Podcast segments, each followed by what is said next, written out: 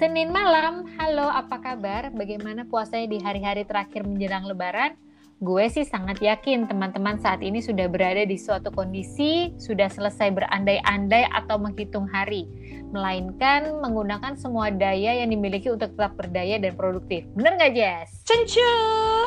Annyeong Halo eh, semua. udah pasti ya. Korea aja ya. Drakor. Eh, sis, lo tuh jangan cuma ngomongin produktif dari segi kerjaan. Ini kan dua Hmm. bulan ya, kita tuh tercerabut dari dunia sosial, ya kan? Nggak ke mana-mana. Nah, coba hitung udah berapa buku, ya bisa ebook atau audiobook yang udah lo baca atau dengarkan. Hmm, sok. Jangan ketawa. Iya, aduh, kalau udah Jessie mulai ngitung, mulai ngajakin gue ngitung-ngitung buku, gue agak was-was nih, karena punyanya dia kan pasti lebih banyak karena lagi kuliah ya, jadi gue akan, oke, gue akan bercoba bersaing di sini. Enggak deh, kayaknya. jadi eh, yang kalau gue suka, suka gue pamer-pamerin di Instagram itu ya, Hah? gue emang lagi baca bukunya si Harari yang 21 Lessons for the 21st Century Oke. baru sekitar seperempat yang dalam bahasa Inggris sekarang tiba-tiba di tengah tuh gue suka menemukan kosakata kosakata ini apa sih nih orang ngomong jadi gue emang eh, pola membacanya ada ada bukunya dia ada catatan gue dan ada kamus gitu jadi Hmm. begitulah nah tapi ya karena baru seperempat terus gue malah melirik novel pengarang Rusia ada Anton Chekhov dan Klarin baca yang buku yang lo pinjemin tuh Jess Hmm. Osamu Dazai judulnya delapan pemandangan dari Tokyo. gue baru kelar itu dan gue ngerasa agak depresi ya bukunya gue sebel deh. Ups. Sebel aku baca bukunya ya. Tapi itu pengalaman kan ya. Terus terus begitu gue baca biografi emang agak sedih gitu orangnya ya. Iya. Bukan agak sih emang sedih ya gitu. Nah kalau yang baru gres banget kelar itu Sabtu lalu baru aja gue selesaiin si Murakami yang uh, 1Q84 jilid ketiga. Selesai itu rekor uh, dua hari aja. Wow. kelarin itu kan. Wow, tapi gue mau cerita dikit nih Jess, di Aha. buku seri ini kan ada tiga buku kalau dalam bahasa Indonesia ya. Jadi setelah gue lihat terus kalau setiap gue beli buku kan gue pasti nulis eh, belinya tuh di tahun berapa atau bulan apa ya. Hmm. Jadi ternyata yang jilid satu tuh gue beli di tahun 2018, Hmm. buku kedua tuh tahun 2019, dan buku ketiga tuh tahun 2020.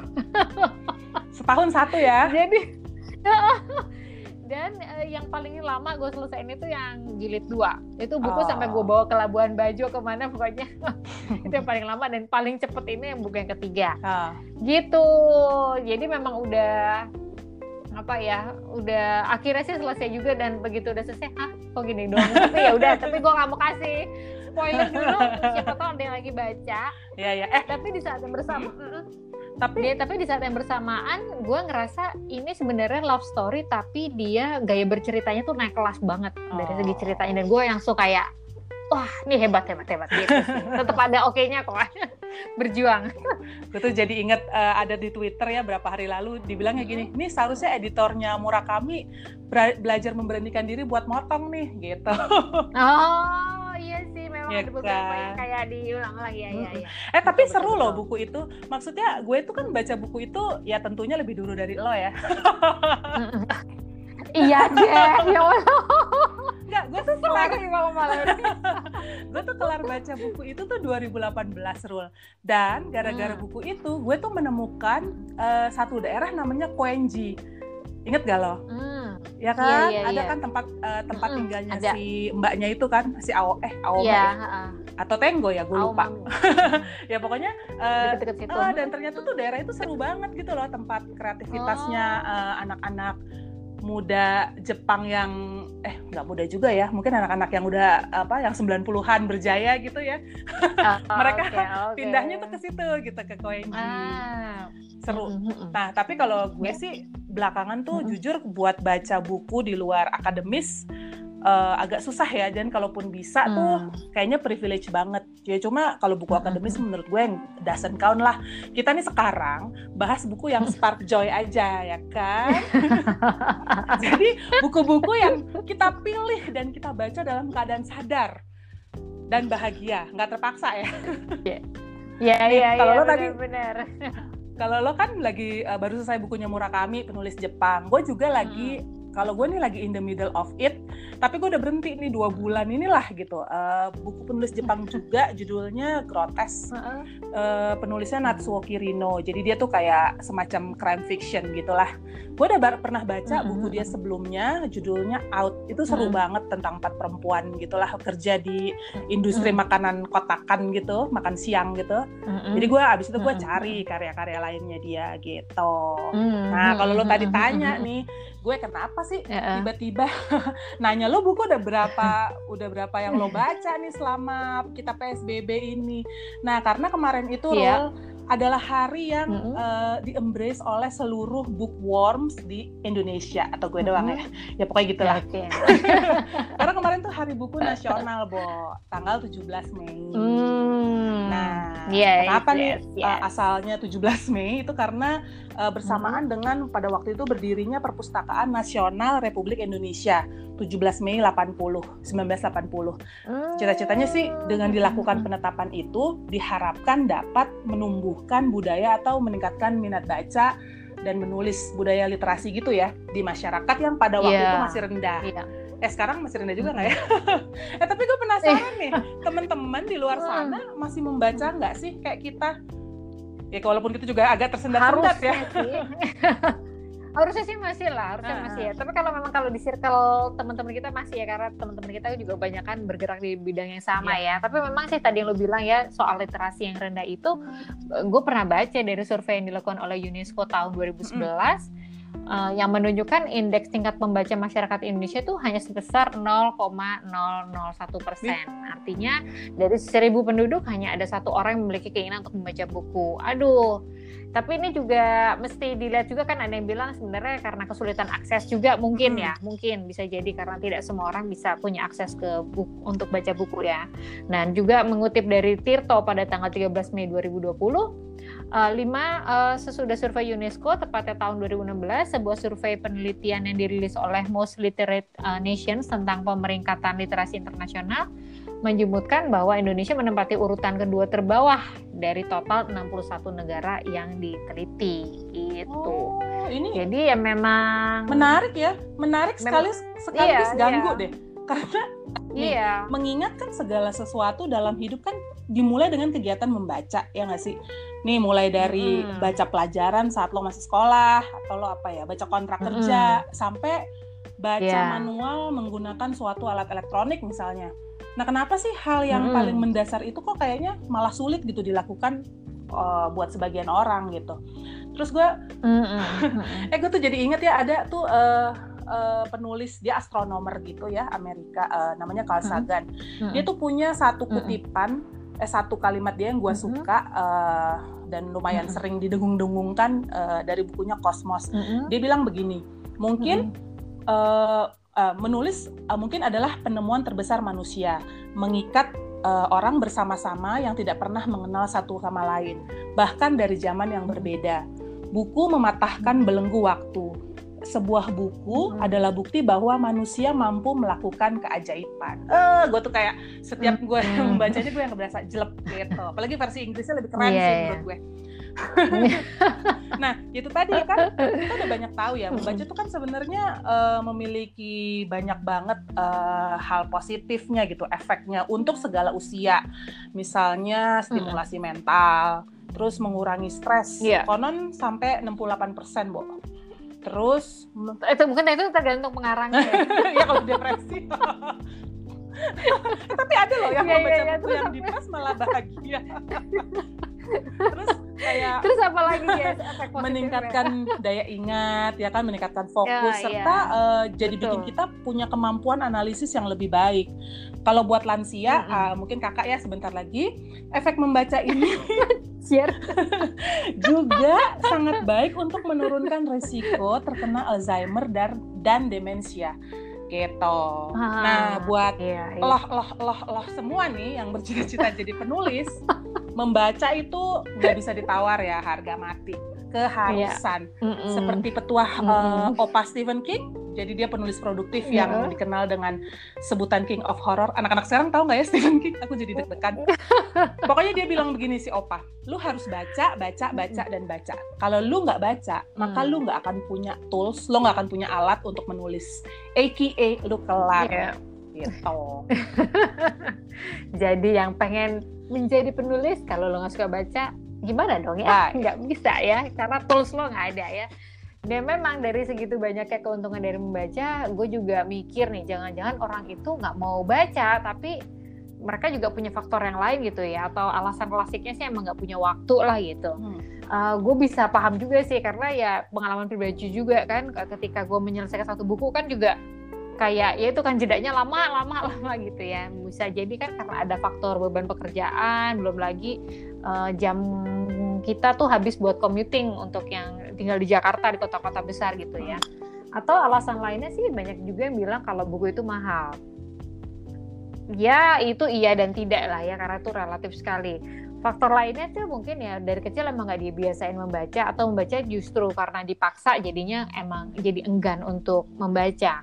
Dan ketika dewasa sudah bisa milih orang yang bersangkutan selalu mengasosiasikan membaca sebagai siksaan dan jadinya nggak bisa dibawa happy. Hmm. Ya dan itu juga tadi yang gue bilang kalau misalnya di beberapa tempat daerah terpencil mungkin ya buku itu bukan ya tidak tidak ada akses untuk ke buku hmm. jadi mereka juga jadi sulit untuk membaca ya.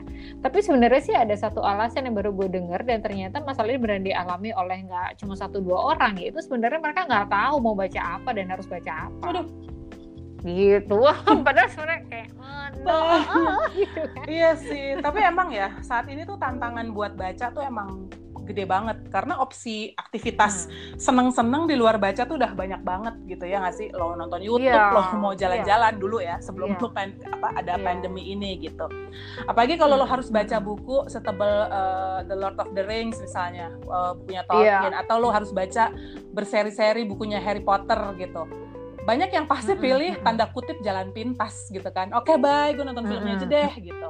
Kalau dulu pas gue kecil kan kalau kita kecil ya eh, kita kan seangkatan lah ya deket-deket. Mau nyari sesuatu tuh pasti uh, buka buku pintarnya Iwan Gayo ya kan. Halo Pak Iwan. Iya, itu harus punya ya. Atau ensiklopedia Widya Pratama lo inget gak sih? Dulu mengapa begini, mengapa begitu gitu ya kan? Oh, yang ada lagunya emang apa? Deh iya. gitu. ada semakin jelas kita angkatan berapa. Tapi kan sekarang ya kak, kalau lu mau nyari segala sesuatu lo kan tinggal Google gitu loh. Atau atau nonton mm. uh, tutorial di YouTube misalnya. Lu nggak perlu spend waktu mm mendedikasikan waktu begitu banyak mm untuk mencari tahu tentang sesuatu. Iya nggak? Iya, betul betul. Ya, gue berharap sih sebenarnya dari di balik segala kemudahan itu sih jangan sampai kegiatan membaca, terutama baca buku ya, menjadi sesuatu yang ditinggalkan. Justru sekarang di era digital seperti sekarang, ya kita malahan harus bisa membaca dengan cara yang berbeda uh, medium udah pasti kita udah tahu nggak melulu kertas. Ya, cara kita meminjam atau mendapatkan buku juga udah berbeda. Nggak mesti ke toko buku kita bisa download atau apa pun gitu ya. Jadi sebenarnya uh, buku itu nggak akan pernah kehilangan peran utamanya sebagai medium pengetahuan, kebijaksanaan dan kreativitas. Di era informasi yang kacau dan kacau dan kacau gitu kan, membaca buku bisa jadi digolongkan sebagai laku meditasi Ya, jadi ini memungkinkan kita untuk berkonsentrasi uh, lebih tenang gitu, bahkan memperoleh kesenangan intelektual yang tidak bisa uh, diberikan oleh hal lain. Jadi uh, ya uh, sorry banget nih buat para penggemar jalan pintas membaca buku biasanya kan ada tuh yang tipenya yang pokoknya gue lihat dulu di belakangnya deh. Melewatkan seluruh prosesnya lihat endingnya gimana gitu kan. Dan juga mungkin orang untuk mereka yang lebih seneng nonton filmnya gitu daripada baca versi aslinya kalau gue pribadi sih gue uh, merasa dengan baca buku secara langsung itu uh, lebih memberikan dampak daripada gue nonton. Karena ketika kita baca buku itu kan kita menafsirkan dan membayangkan hal-hal yang uh, kita baca itu kemudian kita mengimajinasikan kan mm. dan itu beneran gak ada batasnya mungkin sama deh gue dan lo Jess mm. sama-sama baca si Murakami dengan si uh, 1Q84 itu. Hmm. Tapi mungkin interpretasi kita terhadap si Tengo, terhadap si Aomame, terhadap apartemennya mereka gitu hmm. kan. Bagaimana suasana ketika mau membunuh si pemimpin gitu kan pasti uh, kita punya sesuatu apa punya definisi apa interpretasi yang beda-beda dan bayangan yang berbeda kan. Dan itulah yang membedakan gue rasa dengan ketika kita nonton film. Film tuh sutradara lah yang punya imajinasi kemudian kita dipamerkan imajinasi tersebut dan kita terpaksa mengikuti imajinasi tersebut gitu loh. Jadi memang buku tuh nggak cuma nambah imajinasi tadi ya tapi juga menambah pengetahuan dan memperkenalkan kita pada gaya penulisan yang berbeda-beda. Iya kan? Jadi gimana nih bener pengen pensiun untuk menjadi pembaca yang bener gitu kan janganlah menurut gue sayang banget ah, tenang kak nih ya gue share sedikit temuan gue hmm. soal kegiatan membaca di kalangan milenial ini gue gue kutip hmm. dari expeditor.com.au jadi dia tuh menyebutkan hmm. bahwa generasi milenial ini ternyata membaca lebih banyak dari orang tua mereka jreng jreng hmm. ternyata ternyata 80% hmm, dari orang dewasa muda ini, kelompok milenial ini, mereka telah membaca buku dalam format apa pun. Jadi dari cetak sampai digital gitu. Dan setiap orang membaca setidaknya lima buku dalam setahun. Jadi satu satu buku dua bulan ya, dua dua tiga bulan. Nah ini dua, tiga bulan, benar, ini bertolak belakang dengan kepercayaan populer gitu, yang bilang bahwa oh, mereka tuh gak suka baca gitu, atau mereka pasti maunya baca yang digital. Loh ini mengagetkan ya gitu temuan mengagetkan karena justru mereka memilih buku memilih buku cetak daripada buku digital. Mereka nggak segan-segan hmm. mengunjungi perpustakaan umum dan uh, melakukan saling tukar buku gitu, book swap gitu. Hmm, iya, iya, Betul iya. sih penjualan uh, di toko buku tradisional telah menurun, uh, bertahun-tahunnya turun banget. Tapi tren industri iya. secara keseluruhan justru positif industri penerbitan mm-hmm. di seluruh dunia tuh bernilai uh, sekitar 111 miliar dolar ya pada tahun 2018. Hmm. Itu berarti hmm. telah tumbuh setidaknya satu persen setiap tahun selama lima tahun terakhir. Emang sih minat baca, hmm. terus demand gitu ya dari pembaca dan dunia penerbitan adalah tiga hal yang sangat terkait gitu. Nah kalau di Indonesia gimana? Uh, mungkin kebalikannya ya. Soalnya omset omset penjualan buku tuh tetap uh, dari penjualan uh, fisik gitu. Cuma kalau gue yeah. baca nih berita sedih kemarin ya sehubungan dengan Hari Buku mm -hmm. Nasional, gue baca kemarin di Kompas mm -hmm. tanggal 17 Mei 2020 berdasarkan survei mm -hmm. yang dilakukan oleh IKAPI, Ikatan Penerbit Indonesia, mm -hmm. lebih dari 50% mm -hmm. anggota mereka uh, penerbit mengalami mm -hmm. penurunan mm -hmm. penjualan sampai 50% dibandingkan hari normal gitu. Jadi hmm. produktivitas industri buku uh, tergerus gitu ya karena Terus hmm. ada juga uh, eh, PHK di beberapa penerbit karena emang kultur membaca hmm. kan belum kuat nih di masyarakat kita. Yeah. Jadi ketika uh, yeah. adanya COVID ini uh, dan langsung kan ekonomi hmm. dihajar, otomatis buku tuh jadi barang tersier gitu loh, nggak jadi sesuatu yeah. yang penting banget gitu. Nah, tapi hmm. akan tetapi ya ada kelompok pembaca yang tetap avid sih ada gitu. Kalau gue ngeliat sih hmm. uh, berapa tahun belakangan ini banyak banget tuh lahir komunitas baca di tanah air. Ini terlepas dari daya beli beli ya kan bisa juga minjem iya, iya. atau dapat iya, gitu bener. ikutan giveaway gitu banyak juga penggagas dan penggerak kegiatan literasi gitu misalnya kayak pustaka bergerak hmm. terus untuk kelas festival hmm. kita bisa uh, masih lihat ya at least tahun sampai tahun lalu masih ongoing gitu Masya, uh, Makassar Writers Festival terus ada uh, Borobudur Writers and Cultural Festival kalau nggak salah terus yang hmm. lagi banyak diomongin juga Festival Pacar Merah gitu tapi hmm. kalau misalnya gue ralat deh kalau mau bilang daya beli rendah kok tahun-tahun kemarin ya bahkan tahun ini hmm. acara yang terakhir gue datangi BBW itu selalu penuh hmm. dan antre-antre loh Bo gue inget banget nih hmm. pas B bukan just tip ya both of them kali ya. gue inget banget nih pas BBW yeah, iya, tahun yeah. pertama itu lo bener-bener lo berjam-jam mm-hmm. antre. Gue tuh dua apa tiga jam gitu gue ngantri.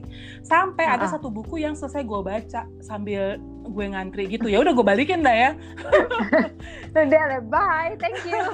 Jadi kalau misalnya mau dibilang antusiasme terhadap buku rendah kok kayaknya ini rame nih gitu harga bukunya padahal bisa dibilang uh, relatif nggak murah-murah banget. Nggak murah-murah ya banget. Kan? Ya, nah loh, iya, jangan-jangan ya, selama ini variasi produk nih atau kemasan, gimana cara ngemasnya yang masalah, ya nggak sih?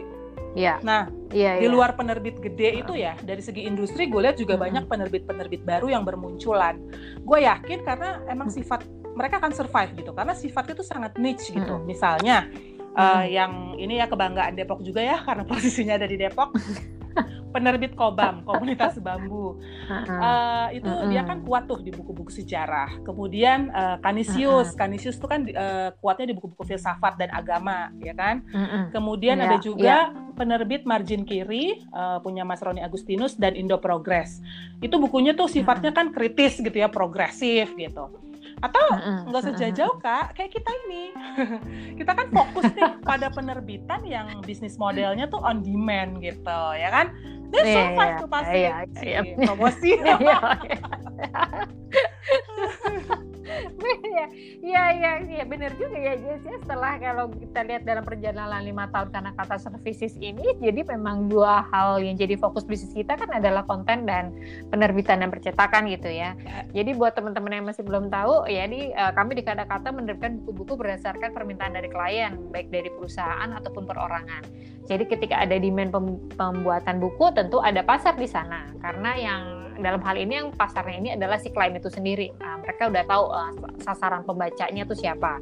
Ke misalnya aja kelompok pembacanya itu kebutuhannya sangat spesifik. Ada yang tentang bisnis, tentang marketing, pengembangan diri, mungkin sharing pengalaman hidup yang nantinya akan sebagai legacy, legacy untuk anak cucu sampai spiritual. Jadi memang mereka sudah punya pangsa sendiri-sendiri dan Uh, jadi ya tetap ada harapan lah ya untuk orang-orang untuk uh, bisa terus membaca, tapi memang uh, dengan semakin banyak buku yang beredar, akses yang semakin mudah untuk mendapatkan buku, orang justru jadi semakin spesifik untuk mencari tahu apa yang sebenarnya menjadi kebutuhannya, termasuk apa yang dia pengen baca. Gitu ya, aja kira-kira ya kesimpulannya ya. Oh, eh ini gue share lagi ya uh, temuan menarik gue soal banyak sharing ya kamu hari ini ya. minat membaca selama masa pandemi. Ini maaf deh, aku kan namanya mahasiswa ya, emang hobinya mengutip dan bikin catatan kaki, ya kan? Iya. Eh dosen gue denger nggak ya? Denger Latihan dong. ya. denger dong. Lanjutkan. Betapa rajinnya gue. Nih, gue kutip dari theguardian.com. Itu uh, sebentar. I klik dulu. 15 Mei 2020. Jadi dia tuh melaporkan uh, isi riset dari Nielsen Book. Jadi Nielsen Book ini melakukan survei, nggak lama-lama surveinya dari tanggal 29 April sampai 1 Mei kepada 1000 uh, orang responden.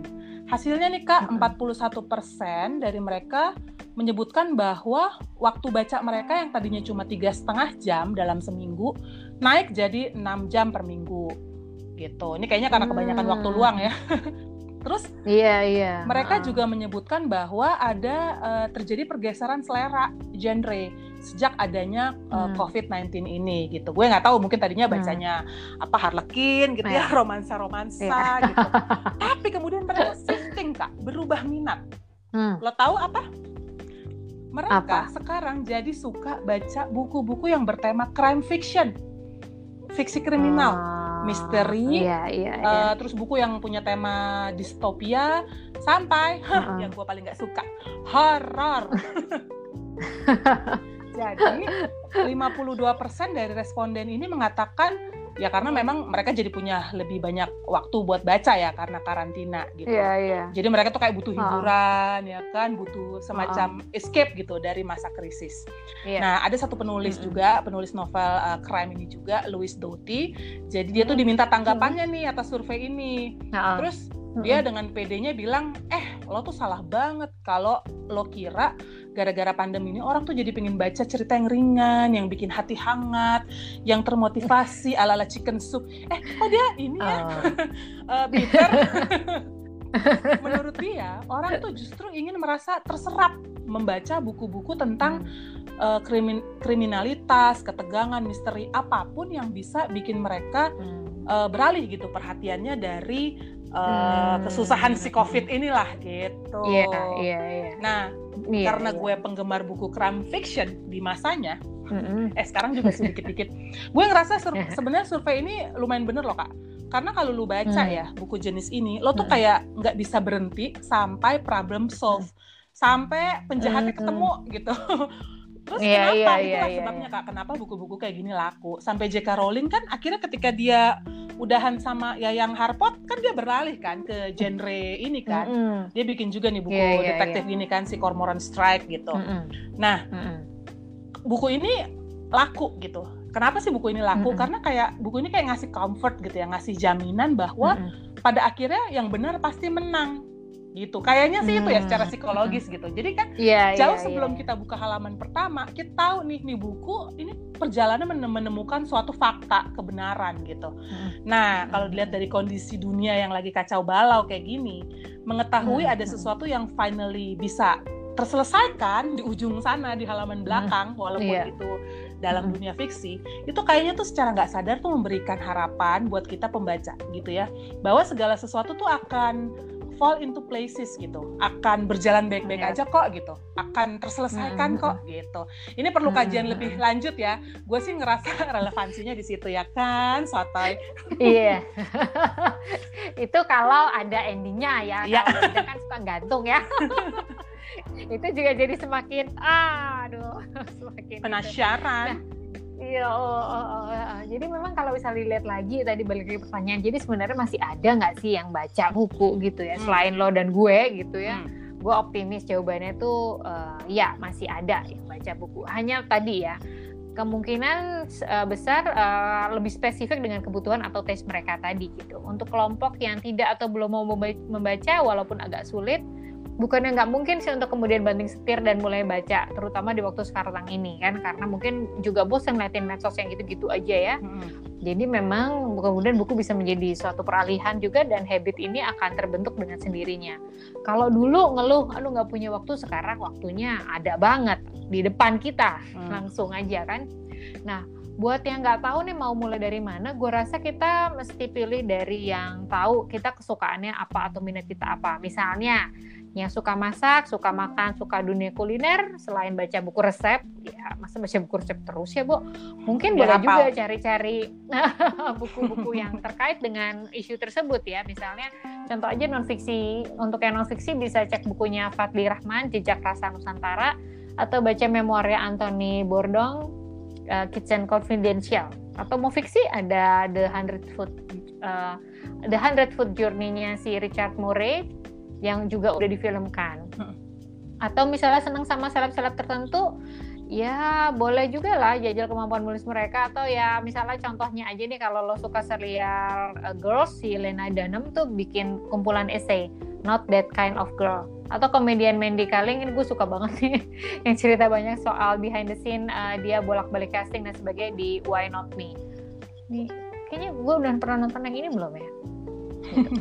jadi Bagus ya kok bukunya. memang sih jadi uh, apa namanya dan balik lagi ya begitu kita suka dan merasa related dengan apa yang kita baca gitu ya gue rasa sih eh, nggak sulit lah untuk terus maju dari satu halaman ke halaman berikutnya.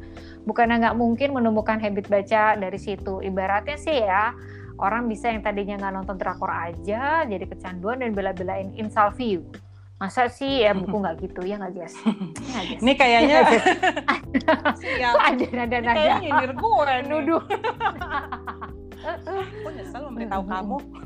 Nih, buat yang masih bingung baca apa, boleh juga sih saran gue lo tanya ke temen lo yang suka baca. Tapi ya, yang Hmm. seleranya terpercaya, Bo. Dan agak agak mirip sama lo gitu. Misalnya ya, lo suka nih science fiction. Tapi lo nggak tahu nih Mm-mm. siapa sih yang lagi penulis terbaru gitu atau apa buku apa sih yang lagi trending gitu. Boleh deh lo tanya Mm-mm. temen lo Mm-mm. yang emang uh, intuit gitu untuk minta rekomendasi gitu. Tapi kalau nggak ada pun sekarang tuh kan udah ada internet ya coy. Mudah banget buat cari apa pun yang lo mau baca. Lo bahkan lo bisa Iya. baca sampelnya dulu kak di Google Iya, Books gitu iya. kan sebelum lo memutuskan Mm-mm. beli gitu. Nah. Kalau buat gue ya untuk bisa baca secara uh, apa uh, penuh uh, apa antusiasme gitu. Yang paling penting adalah lu tuh mesti suka sama apa yang lu baca gitu. Atau seenggak-enggaknya Hmm. lu kita kan nggak tahu nih buku kadang tentang apa gitu ya ujungnya gimana Iya. tapi lu punya Iya. minat gitu ke arah situ Mm-mm. gitu kayak Mm-mm. gue karena gue nggak suka horor gitu ya terus gue juga nggak suka apa ya fantasi gitu misalnya sampai Mm-mm. kapan pun agak susah buat gue menikmati genre itu gitu not that I Mm-mm. tried gitu tapi Iya. ya udahlah ya nggak cocok gitu Iya. ya udah nggak apa-apa gitu. Masih banyak buku yang Baik. bisa gue nikmati di luar sana. Di dalam lemari buku gue maksudnya ya karena pada numpuk belum gue baca. Nah, gitu. Pokoknya gue sih Mm-mm. aku sangat setuju dengan kata Opa Pram Pramudia. Dia bilang nggak ada kerja paksa buat diri sendiri. Mm-mm. ya gue simpulkan dalam bahasa gue nggak ada baca paksa buat diri sendiri. Dalam kurung kecuali bacaan akademis nah gue rasa ini juga berlaku buat bacaan gitu. Kan kayak Mhm. kayak olahraga aja gitu nggak sih Bo? Baca itu kayak Iya. perlu dilatih gitu ototnya gitu otot otot baca lo gitu. Misalnya betul kayak betul. lu misalnya lo baca apa ya? Misalnya lu gini sebelum lu katam nih baca Gone with the Wind deh. Itu kan tebel tuh ya X Hmm. ribuan halaman gitu. Mungkin lo Mhm, bisa juga baca dulu tuh Harlequin yang tipis-tipis ya kan? Yang Ya, maksimal iya. 200 halaman gitu. Mhm, mhm, terus apalagi ya? Eh, penting juga buat explore sih gue rasa jadi kayak Iya. kalau balik ke gue gue tuh udah dua Hmm. tahun terakhir tuh lebih banyak buku-buku eh, baca banyak buku-buku yang bukan penulisnya bukan orang bule Hmm. bukan eh, penulis eh, berkulit putih eh, dan banyak kan penulis perempuan gitu dan mereka tuh dari Hmm. Asia dan Afrika gitu kayak misalnya Hmm, gue hmm, tuh ini kalau gue kasih rekomendasi ya gue tuh suka lah Mhm. sama Chimamanda Ngozi Adichie dia tuh dari Mm-mm. Nigeria tuh bukunya Americana Mm. bagus banget gue suka Mhm. terus ini yang tadi gue cerita Natsuo Natsuo Kirino uh, yang Mm-mm. bukunya lagi gue coba selesaikan Terus ada Banana Yoshimoto dia dari mereka dari Jepang. Terus kalau mau lebih lawas lagi ada uh, Oma Nawal El Sadawi gue gue kayak ini. Mhm. kayak kenal. Dia tuh dari Mesir. Ya. Tapi terus terang kalau misalnya dalam negeri sih yang gue sukai itu nggak terlalu banyak ya, belum banyak gitu.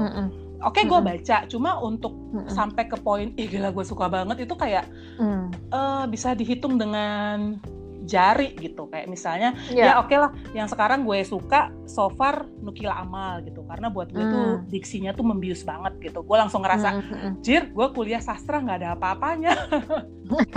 gitu. Terus kayak uh, Iya. Marien Marien atau Mariane ya, Marien Katopo gitu. Jadi dia tulis buku Hmm. Raumanen. Itu ceritanya tuh manis-manis tragis gitu ya. Sebelum. Ciklit ada, dia udah duluan gitu. Ini berkesan banget karena gue baca ini uh, fotokopian. Itu adalah tugas kak, Oh. kuliah kakak gue dulu, kuliah, terus dia taruh di meja hmm, hmm. makan, terus gue baca dalam waktu satu jam. Tuh waktu itu gue masih Ah. SMP apa SMA gitu. Dan gue tuh kayak, gila, hmm. gila, gila gitu. Gue suka banget Iya. gitu. Kakak gimana? Kalau misalnya pengalaman baca ya mungkin sama lah kayak lo lah. Tadi lo sempat nyinggung soal itu ya, lima sekawan karena suka detektif gitu ya.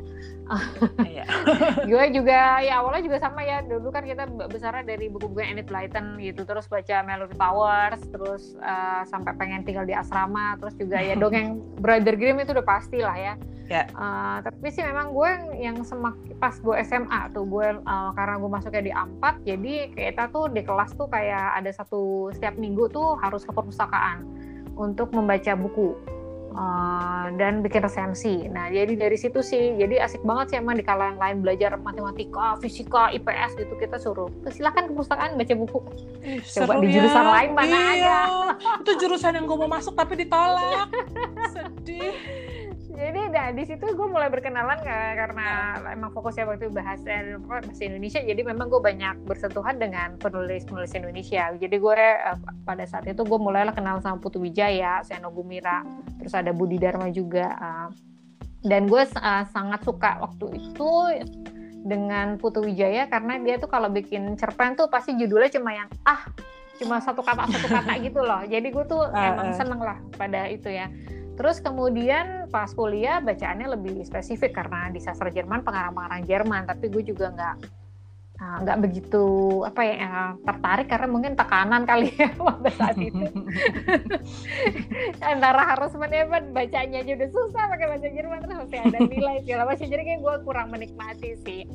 Nah begitu kuliah tuh memang ya udah expose lagi. Ada waktu itu kan eh, si Ayu Utami dengan Saman terus ada Dewi Lestari dengan Supernova itu eh, apa ya semakin menambah inilah ya variasi eh, mengarang gitu. Tapi kalau misalnya sekarang ini gue juga tidak membatasi sih sama kayak lo, gue mengeksplorasi makanya uh, mulai baca uh, karya pengarang Jepang, coba yang Rusia, uh, dan mungkin uh, gue akan coba lagi untuk kembali ke pengarang Jerman. Tapi ya belum tahu deh ntar kayak gimana. Tapi memang harus dicoba kalau nggak gitu kan kita nggak pernah tahu ya. Um, memang sih akan besar kemungkinan akan tiba-tiba zong di tengah gitu ya. Kayak yang pengarang Rusia ini gue kayaknya nggak kelar karena gue kayaknya namanya begitu sulit aku hafal. Tapi ya namanya pengalaman ya dinikmatin aja sih. Tapi memang bener kata lo tadi eh, nggak usah memaksakan diri untuk menyukai satu karya misalnya karena semua orang lagi suka atau lagi menang apa penghargaan tertentu Penghargaan, atau apa ya. gitu. Iya. karena menurut gue ini benar-benar pengalaman pribadi kok jadi memang gue juga sempet lah beberapa kali uh, oh karena ini lagi dibicarakan deh terus gue membeli bukunya terus gue kayak cuma bab pertama terus gue bilang ini buku nggak menarik buat gue hmm. tidak tidak dekat di hati gue jadi ya udah itu buku tebel ya udah gue tinggalin terus ya udah gue sumbangin aja ke yang lain gitu Terus ada juga sih satu pengarang juga yang gue paksa baca sampai selesai tapi ya tidak berkesan, cuma kayak ya harus selesai aja tapi yang tidak memberikan satu apa ya pencerahan juga enggak. Maksudnya kan kadang uh, lepas dari kita seorang penulis atau tidak gitu ya secara dari tema gaya penulisan gitu-gitu kan kayaknya ya harusnya berpengaruh lah ini enggak gue yang ya namanya juga, juga selera ya balik lagi ya jangan dipaksa lah Cin gitu iya betul betul Nah, kalau apa lagi nih Jess? eh tapi gue setuju. Kalau katanya ya buku lo sama gue bisa baca buku yang sama seperti yang tadi hmm. lo bilang, tapi kita nggak pernah mendapatkan output yang sama. Karena kan pengalaman hidup kita beda, ya kan? Betul, betul. Ketika lo baca, lo udah mengalami A, B, C gitu. Tapi gue misalnya baru sampai B gitu. Jadi mm -hmm. memang interpretasi kita terhadap buku itu juga beda gitu. Betul. betul. Eh kak, nih mm -hmm. kalau biasanya kan kita kasih penutup tuh kasih kewejangan gitu kan ya, kasih ibu-ibu WA grup sebelah gitu. Nah di episode ya, kali ini bagaimana? Jangan kayak gitu kak. Gimana kalau kita bacain satu kutipan dari buku favorit kita masing-masing? Gimana? Ya. Nih uh, sebenarnya agak susah loh kalau nyuruh orang yang suka baca tuh untuk pilih buku yang lo suka dan kutipan yang lo suka karena itu kayak kalau gue kayak aku ada setengah lemari yang suka gitu tapi kan mari kita uh, fokus ya jangan yeah, kebanyakan yeah, yeah, yeah. gitu jadi kalau kayak gue sepanjang riwayat gue jadi pembaca yang berkesan tuh ada dua tadi gue bilang uh, Kalaibi Nukila Amal karena ah diksinya gila jago banget Terus yang hmm. gue suka lagi itu tadi perempuan di titik nol karya penulis hmm. Mesir Nawal El Sadawi. Hmm. Kayaknya gue akan pilih ini deh karena yeah. Ya. uh, personal story ya. Buku ini hmm. sedikit mengguncang gue gitu. Ketika pertama hmm. kali gue baca ini pas gue kuliah. Dan ketika udah bertahun-tahun berlalu dan lo masih kayak mengingat buku ini sebagai buku yang punya efek uh, buat hmm. lo gitu dan lo hmm. dan lo inget gitu lo recall ketika lo baca lo ngangguk-ngangguk gitu kayak lo hmm, garis-garis hmm. oh ini gila ini bener nih bener hmm. jadi kayaknya buku ini worth to share gitu nah jadi sebelumnya ya uh, permisi hmm. ya para patriah uh, Ikhwan Ukti izinkan saya membaca ya silahkan kakak satu Jessica. bagian dari buku ini ya dari buku Nawal El Sadawi Perempuan di Titik Nol semua perempuan adalah korban penipuan. Lelaki memaksakan penipuan pada perempuan dan kemudian menghukum mereka karena telah tertipu, menindas mereka ke tingkat terbawah, dan menghukum mereka karena telah jatuh begitu rendah, mengikat mereka dalam perkawinan, dan menghukum mereka dengan kerja kasar sepanjang umur mereka, atau menghantam mereka dengan penghinaan atau dengan pukulan perkawinan adalah lembaga yang dibangun atas penderitaan yang paling kejam untuk kaum perempuan. Hmm. disclaimer ya, tapi gue disclaimer, uh, gue nikah loh. Jadi it's not that I hate marriage institution uh, whatsoever ya. Cuma yeah, ini pas gue baca kayak jedek jedek jedek gitu kak. Iya ya agak kenceng ya memang pilihan kakaknya sih. Iya kayak botox ya kenceng. ya kayak gue punya uh, ya mungkin sedikit lebih lunak lah. Ini gue bacanya uh, dari uh, cerpennya Seno Gumira ya. Judulnya sepotong senja untuk pacarku.